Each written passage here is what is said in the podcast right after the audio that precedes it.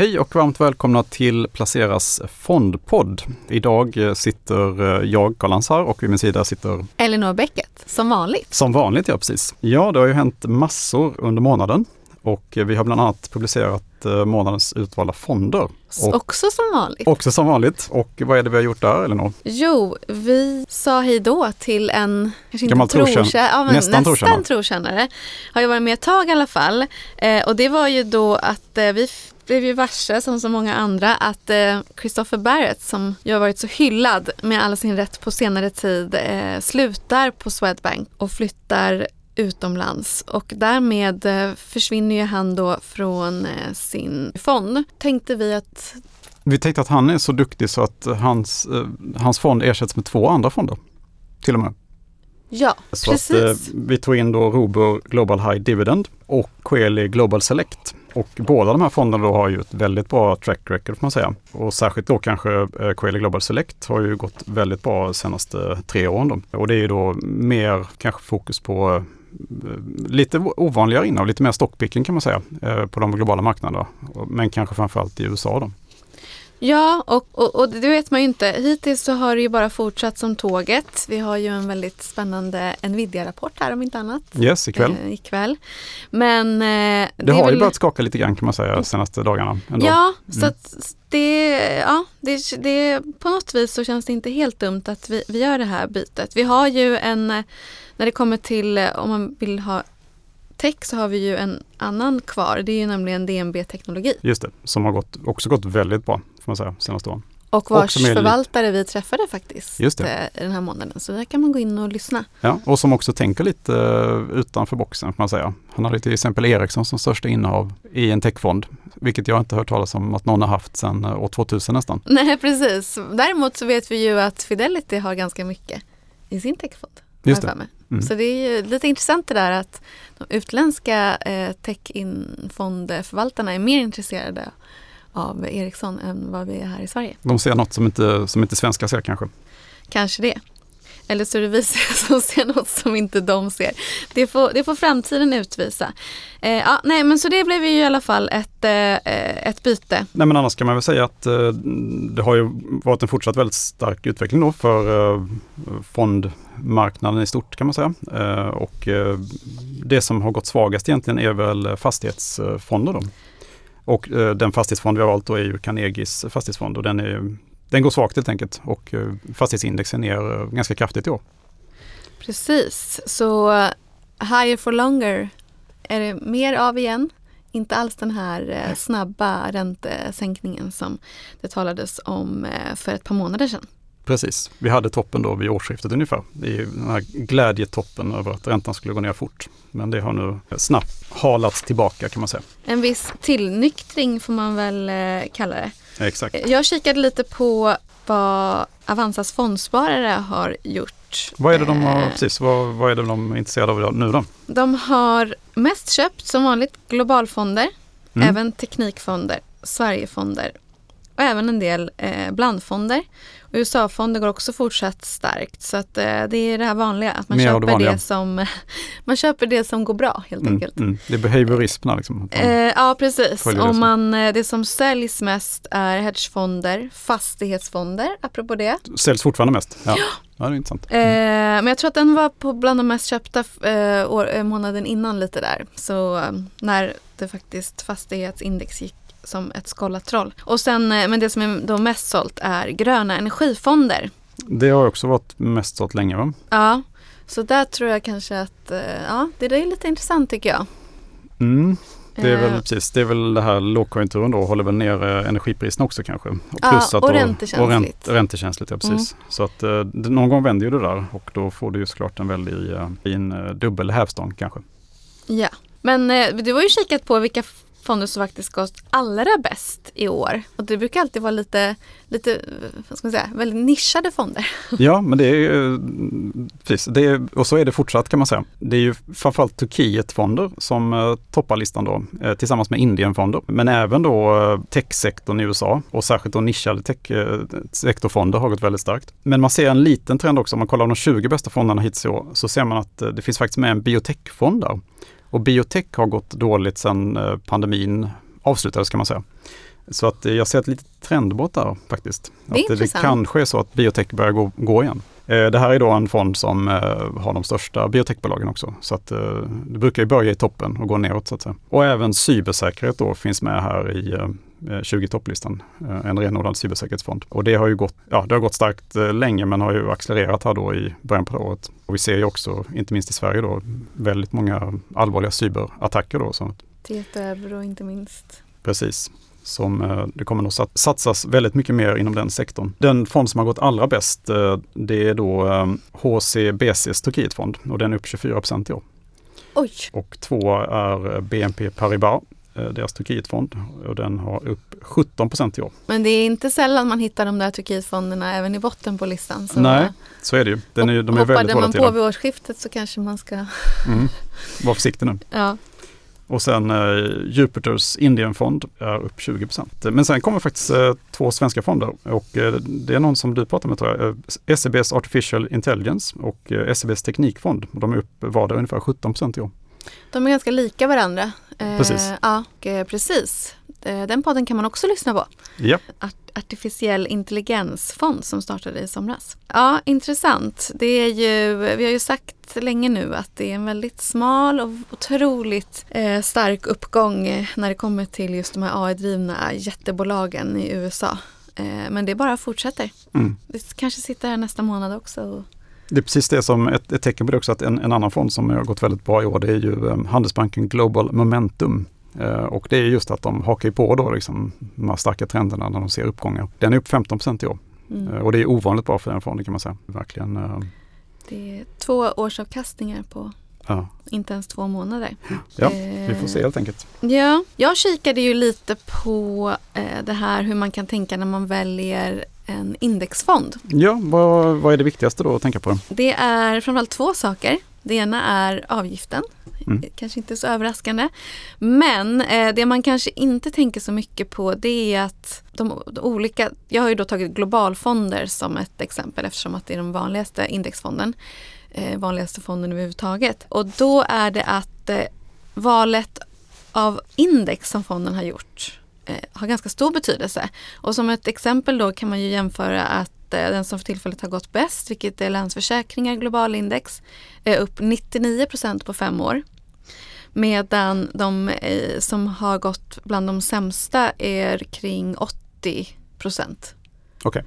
Och det är ganska stor skillnad. Det är det verkligen. Om man tänker sig att du jämför Mm. två Exakt eh, likadana saker. Mm. Ja, precis. Två globala indexfonder. Eh, och då kan man säga att avgiften skiljer ju då eh, 20 punkter här emellan. Eh, så att eh, det, eh, det är inte där skillnaden ligger. Och vad är då skillnaden? Jo, det är att man har olika index helt enkelt. Och för den sakens skull behöver det inte betyda att, de, att eh, det indexet som har gått bäst hittills kommer vara den som går bäst framöver. Men det hela, den här, hela den här artikeln tog liksom, eh, hade sitt ursprung i att jag fick ganska många frågor varför jag hade två olika globala indexfonder i mitt barnsparande. Och där har vi då anledningen. Mm. Eh, då hade jag då valt en som går på MSCI World Index och då är det kanske inte då hela världen som man tror. För det finns också ett MSCI-index som är All Countries. Och All Countries, då har vi också eh, ett gäng tillväxtmarknader. Och de, den har helt enkelt gått sämre och det är mindre USA-exponering. Just Länsförsäkringar har faktiskt ett index, ett Morningstar-index som ingen av de andra fonderna har. Så de sticker ut lite där. Så det är, eh, det är faktiskt anledningen. Och eh, det är också de sämsta fonderna har just den skillnaden. Så det är det man kan kika på. Sen finns det lite andra skillnader. Mm. Men det är är med, liksom perifera skillnader. hur är det med avgift till exempel? Vad är en hög avgift och vad är en låg avgift? När det Det är index? det som är saken att eh, en hög avgift är då som högst 0,57 Okej. och som lägst 0,09. Och, då, och jag ser ingen anledning varför du ska liksom hålla dig eh, över en halv procent. Nej. När det finns bra eh, globalfonder. Mm. Eh, men eh, kanske runt, runt 0,4 upp till 0,4 Mm. tycker jag kan vara en rimlig avgift. Mm. Ehm, och vill man veta de här lite mer perifera skillnaderna så kan man ju gå in och läsa artikeln. Det behöver jag inte ta upp. Men eh, som sagt, Man ska tänka på, titta på index och titta gärna på eh, hur, eh, hur en fond har gått och det har jag sagt många gånger. Men inte bara på ett eller tre eller fem års sikt utan se liksom den, den liksom samlade bilden hur den har gått under hela perioden. Mm. Mm. Och ha gärna två olika. Mycket intressant. Det där är ju verkligen något som, eh, som många köper också och som många berörs av. Man säga. Mm, precis, och även om man inte är jätteinsatt och intresserad så på, då ett, på 20 år så kan ju skillnaden bli faktiskt väldigt stor. Ja, exakt. Så kan man diversifiera sig även på det viset. Mm. Vi har gjort jättemånga eh, jätteintressanta intervjuer så vi har ju absolut inte tid att prata om allt. Men är det någonting som du ändå tycker du vill ta med dig från den här månaden och framåt? Nej, men jag tänker väl att eh, det som väldigt många pratar om är ju Indien faktiskt. Dels eh, rena Indienförvaltare har jag pratat med eh, och jag har pratat med tillväxtmarknadsförvaltare som i sin tur tycker att Indien är det mest intressanta. Samtidigt då den indiska marknaden den marknad som har gått allra bäst av tillväxtmarknaderna de senaste åren.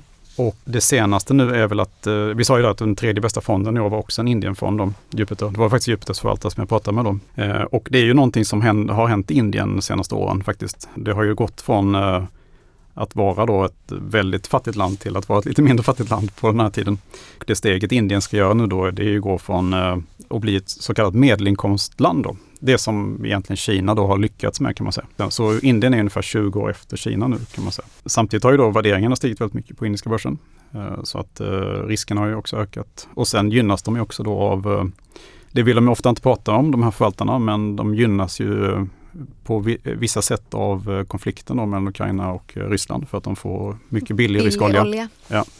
Och det, det, är alltid så att det, nej, det kan vi ingen uppfattning om eller vill inte prata om. Men Indien är också en av de marknaderna som jag upplever eh, väldigt måga säger nej, vill absolut inte ha Indien.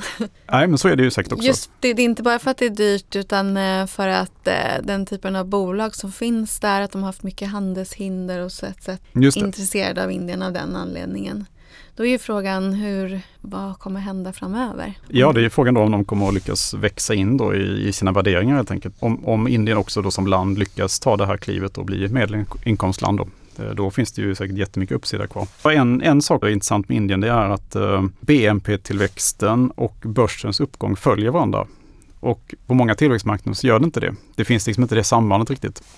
Så det är intressant. Du, du, kan ha ett väldigt kraftig BNP-tillväxt men händer inget i, i, på börsen då. Så att den speglar ändå liksom ekonomin väldigt bra i alla fall. Så det är väl ett argument för Indien och kanske fortsatt. Men på kort sikt så är det väl samma som i den amerikanska techsektorn då, att det är någonting som är, kanske ser lite toppigt ut. Ja, du har ju kikat mer på eh, tekniksektorn, eller något? Ja, precis. Eh, och även där eh, så skiljer ju sig det som till synes kan verka då eh, lika fonder åt. Och jag har då kikat på aktivt förvaltade eh, teknikfonder. Och eh, som vi pratade om tidigare, Christopher Barretts fond Swedbank Robur Technology ska tilläggas att det är globalfonden som vi har i månadens fonder. Att eh, det är ju då den som har gått otroligt mycket bättre än nummer två. Den är upp Eh, 252 procent på fem år eh, jämfört med Fidelity Global Technology som är upp 210 procent. Och sen så är då hoppet otroligt stort ner till eh, Swedbank också. Robur Ny Teknik som har en utveckling på fem år på 41 procent. Oj, det är mycket. Ja, så lika namn, mm. olika prestation om man säger. Eh, och eh, vad, vad, har då de här som har gått som sämst gemensamt? Jo, det är ju då en stor svensk exponering och väldigt mycket mindre bolag helt enkelt. Mm. Alltså i storlek. Och eh, de här globala jättarna har ju då de här Magnificent Seven. Mm. Men du träffade någon som tyckte det var nonsens?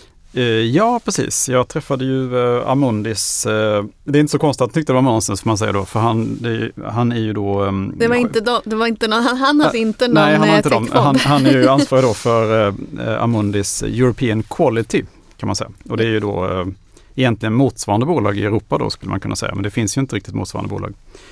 Men han hade väl i sig rätt i den poängen, ska jag säga, att det är, handlar mycket om storytelling också. Att han undrade hur, hur har man valt ut de här bolagen? Just att det skulle vara sju bolag. Och nu diskuterar man då att plocka ut Tesla till exempel för att Tesla har gått ganska dåligt. det låter ja, inte lika bra. Nej, det låter inte lika bra. Och, eh, vad, det, finns inga, det finns liksom inga officiella kriterier för det här utan det är bara en storytelling-produkt kan man säga. Kanske gjorda av eh, våra anglosaxiska journalistkollegor. Det skulle kunna vara där någonstans det har börjat ja. Ser bra ut i rubriker. Exakt. Så att det var Andreas Vosol då som är på Amundi. Eh, och han eh, sitter i, i Wien och förvaltar en eh, European Quality Fond. Där är ju största innehaven då Siemens till exempel, som faktiskt också har gått ganska bra. De har ju renodlat verksamheten kraftigt här under senare år. Sen är de lite så här, Siemens är, samtidigt som de har renodlat verksamheten så behåller de ju då många, de till exempel knoppar av Siemens Energy och Siemens Healthineers, men samtidigt äger de fortfarande mycket i de här bolagen. Apropå det med med eh, Europa så har jag faktiskt skrivit om en börshandlad fond som investerar i Europas eh, finanssektor. Du vet ju att jag gillar ju saker som ingen annan gillar ofta. Mm. Jag försöker vara lite konträr och sådär. Och det här är väl lite grann så. Eh, att eh, det är ingen som direkt kastar sig över eh, europeisk finanssektor. Nej.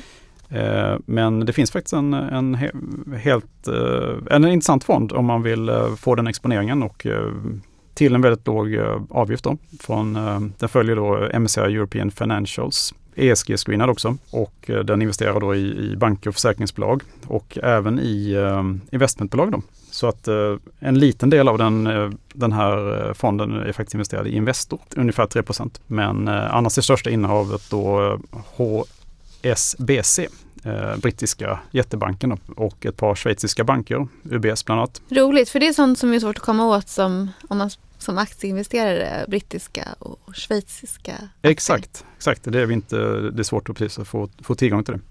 Eh, AXA är ett stort innehav också, som är då eh, Europas största eller näst största försäkringskoncern, eh, fransknoterad. Och det intressanta med den här eh, fonden är kanske också, eh, en sak som är intressant är också att den har ju väldigt låg avgift på 0,23 då. Eh, så att, och den återinvesterar eh, utdelningen också faktiskt. Så att det det skulle jag säga är någonting för långtidsspararen faktiskt, det där, den fonden.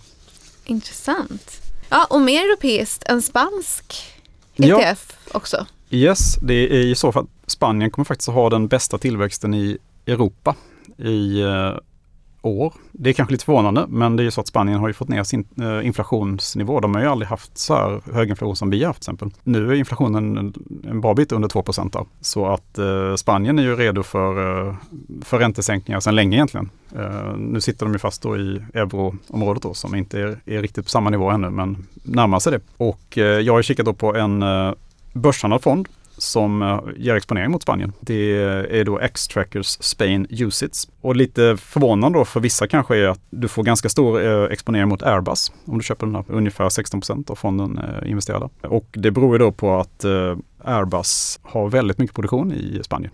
Bland annat eh, trupptransportflygplanet då tillverkas i Sevilla så att Airbus eh, är en eh, viktig aktör i spanska ekonomin faktiskt. Och eh, annars är det lite energibolag. Iberdrola till exempel, som då både sysslar på, ja de sysslar med, med att ställa om då mycket till vindkraft, solenergi och vattenkraft. Man får även då tillgång till, till många av de stora bankerna. Och de här spanska bankerna då får man tänka på att de har ju ofta stor exponering mot Latinamerika också. Inditex får man om man på fjärde plats, stora konkurrenter till H&M.